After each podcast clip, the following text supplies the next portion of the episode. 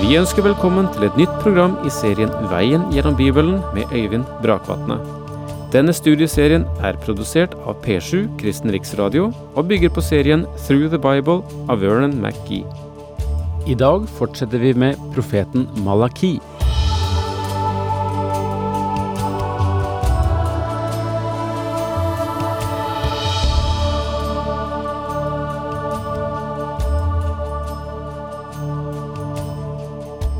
Profeten Malaki eh, konsentrerer seg om tre problemområder i Israels folk.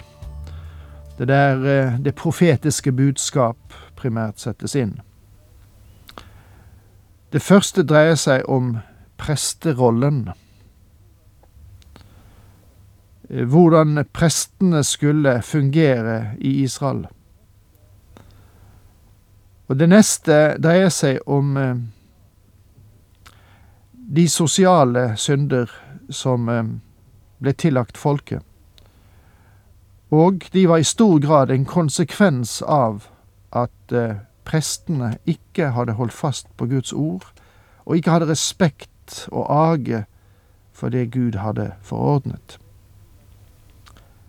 Det førte til at offergavene ikke ble riktige, og det førte til at du fikk oppløsning i selve samfunnet, for en ringeakt for Gud ga samtidig en ringeakt for det Gud ville, og en ringeakt for hverandre, det vil si ens medmennesker. Og det slår spesielt hardt ut innad i forholdet mellom ektefellene. Det som eh, er bakgrunnen her, det er at israelittene fant ut at de fremmede kvinnene var så mye bedre og vakrere enn deres egne hebraiske kvinner. Og så um, skilte de seg fra de hebraiske kvinner som de hadde lovet sin troskap. De ble de troløse mot, og fant andre kvinner istedenfor. Og Resultatet er at de indirekte har dekket Herrens alter med tårer, det vil si for de fraskilte kvinnene som kommer med sine tårer til Gud i sin fortvilelse. Og så begynte vi sist på vers 14, som, som fører videre i dette konseptet. Og dere spør hvorfor. Ja, det vil si, dette hvorfor ligger på hvorfor Gud ikke lenger vil se til deres offergave. Jo, fordi Herren er vitne i saken mellom deg og din ungdomshustru. Du har vært utro mot henne, enda hun er din ektefelle som du er bundet til ved pakt. Guds ord virker støtende selv om han bare antyder at han vil ikke ta imot deres offer, og tanken er at han sier, hvorfor vil han ikke ta imot dette offeret? Jeg hadde jo med et vakkert, fett lam som offer. Når de stiller spørsmålet, meisler Malaki ut svaret for dem i sterke farger, så de ikke skal misforstå Herren. Fordi Herren er vitne i saken mellom deg og din ungdomshustru. Du har vært utro mot henne. Og Det forteller at et offer kan ikke oppveie for den synd som de har gjort mot sitt ungdomssøstre. Israelittene giftet seg altså med en hebraisk pike som da han var ung mann, eller da de var unge menn. Men når så israelitten ble eldre og beveget seg blant hedninger, vil Si fremmede folkeslag, så bestemte han seg for at han ville gifte seg med en av de hedenske pikene som han var blitt kjent med enda hun er din ektefelle som du er bundet til ved pakt. Sin hebraiske hustru var det han hadde stått foran presten og lovet troskap og trofasthet mot. Det neste verset er ganske vanskelig å tolke, men jeg finner at den naturlige tolkningen er at profeten her taler om skilsmisse, og henvisningen dreier seg om det opprinnelige ekteskap som Gud selv sto bak. Er det ikke en som har skapt henne både med legeme og ånd? Og hva søker da den ene? Barn som hører Gud til, så vokt dere vel i sjel og sinn, vær ikke utro mot din ungdomshustru. Er det ikke en som har skapt henne? Gå tilbake til den opprinnelige skapelse av mann og kvinne. Adam var en halvdel, og Eva var en annen halvdel, og sammen var de ett. Dette er klart nok når et barn blir født. Barnet er en del av begge foreldrene. De to er i sannhet ett i dette barnet. Både med legeme og ånd, og hva søker da den ene, barn som hører Gud til? Du ser her at hun skal være ham lik, åndelig så vel som fysisk, av hensyn til familien. Et hjem der det har foregått skilsmisse, eller der det er polygami, dvs. Si flergifte, er ikke den beste plassen å fostre barn på. Min venn, om du er en ung kvinne, så kanskje jeg kan få si som et råd, så bør du ikke gifte deg med den unge mannen uten at han har den samme tro som du har, for faktisk skal du vandre hans vei og du kommer til å oppleve det som uhyre vanskelig om du er et Guds barn, og han ikke er det. Om du er en ung mann eller en ung kvinne, så la meg få gi dette råd. Om du tror at du kan vinne din elskede for Kristus, så vær viss på at det skjer før du gifter deg, for det er da du har din største innflytelse. Etterpå forandrer som regel forholdet seg. Så vokt dere vel i sjel og sinn, vær ikke utro mot din ungdomshustru. Malaki ber dem være oppmerksom på hva de gjør. Gud har spesielt forbudt sitt folk å inngå blandingsekteskap med hedningene. Du husker eh, kanskje at Nehemja, etter at han hadde bygget Jerusalems murer og vendte tilbake til sin oppgave som kongens munnskjenk i hovedstaden i det mediopersiske riket.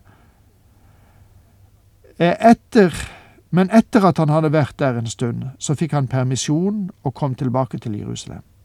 Han fant da ut at Tobia, en ammonitt, en fiende av Gud, hadde flyttet inn i et rom i tempelet. Øverstepresten hadde ordnet dette for ham fordi hans sønn hadde giftet seg med datter til Tobia. Vet du hva Nehemja gjorde med det? Han dro over til tempelet og kastet ut alt som tilhørte Tobia, selv møblene, og ba ham stikke av. Du kan vel synes at det er ganske brutalt og ikke svært høflig. Nei, det var nok ikke høflig, men det renset sannelig tempelet. Faktisk var Nehemja ganske så streng med folket sitt, de som han snart fant ut hadde giftet seg med folk fra fremmede stammegrupper, enten det nå gjaldt Ashtod, Ammon eller Moab. Nehemja selv forteller hvordan han behandlet dem. Og Det står i Nehemja-boken kapittel 13 vers 25. Jeg irettesatte dem og forbannet dem. Ja, noen av dem slo jeg, og jeg rev dem i håret. Så lot jeg dem sverge ved Gud at de ikke skulle gi sine døtre til disse folks sønner, og ikke ta deres døtre til koner for sine sønner eller for seg selv. Og han minnet dem om de katastrofer som hadde kommet over folket gjennom å gifte seg med hedninger. Og kanskje trengtes det noen av Nehemjas type også i vår tid, som kan gå opp igjen grensene. Jeg vil ikke vite av skilsmisse, sier Herren Israels Gud, og at noen dekker sin kledning med voldsferd, sier Herren allers Gud så vokt dere vel i sjel og sinn, at dere ikke er troløse. I Det gamle testamentet var det slik at når en mann giftet seg med en kvinne, så tok han kappen sin og la den over henne. Og denne vakre skikken skulle gi til kjenne at han ville beskytte henne. Dette var noe av det gode som Boas gjorde mot Ruth, om du leser Ruths bok. Ruth var enke, og ifølge Moseloven måtte hun ty til Boas som slektens redningsmann før han kunne handle. Han kunne ikke be henne om å gifte seg med han. Hun måtte gjøre krav på ham. Så Noomi, som handlet som en Kirsten giftekniv, sendte Ruth av gårde til treskeplassen. Det var høsttid, og alle familiene var samlet rundt treskeplassen. For å beskytte det ferdig treskede kornet sov mennene på natten rundt haugen med korn og med hodet vendt mot kornet som eikene i et hjul. Og Ruth fulgte Noomis veiledning og lå ved Boases føtter. Da han ble klar over at noen var der og spurte hvem det var, så svarte hun, Jeg er Ruth, din tjenestekvinne. Bre kappen din over meg, for du er min løsningsmann står det i Rødts bok, kapittel 3, vers 9. Hun ba ham legge kappen over seg, og ba dermed om hans beskyttelse som løsningsmann. Med andre ord ba hun ham om å gifte seg med henne. I ekteskapet tilbyr mannen kvinnen sin beskyttelse og sin kjærlighet, og hun tilbyr sin hengivenhet og sitt liv. Og dette er et vakkert bilde som senere brukes i Det nye testamentet, om Kristi forhold til den troende. På Malakis tid behandlet menn i Israel sine hustruer på en skammelig måte. De hadde dekket dem med sin kappe da de giftet seg med dem, men nå dekket de dem med hensynsløshet. Med andre ord hadde de skilt seg fra sine kvinner.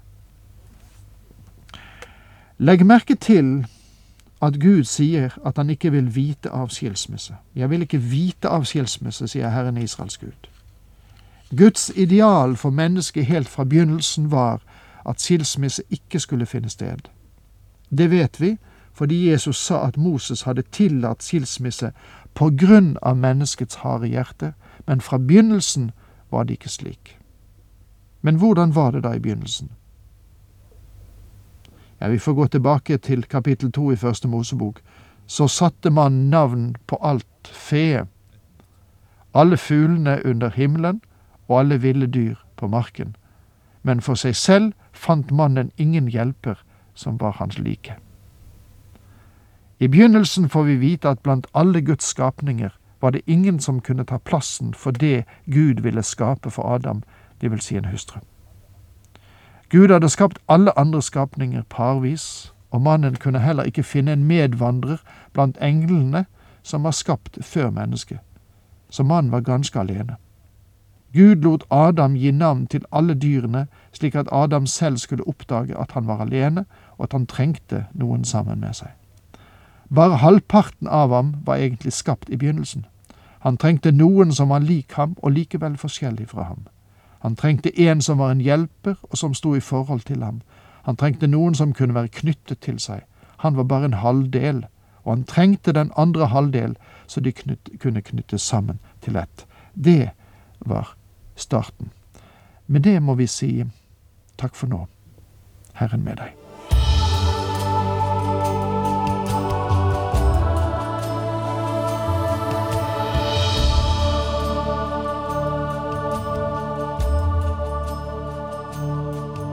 Du hørte Øyvind Brakvatne i studieserien Veien gjennom Bibelen. Serien bygger på et manus av Vern McGee. Har du spørsmål eller kommentarer til programmet, kan du sende en e-post til vgb krøllalfa p7.no. Takk for i dag, og på gjenhør.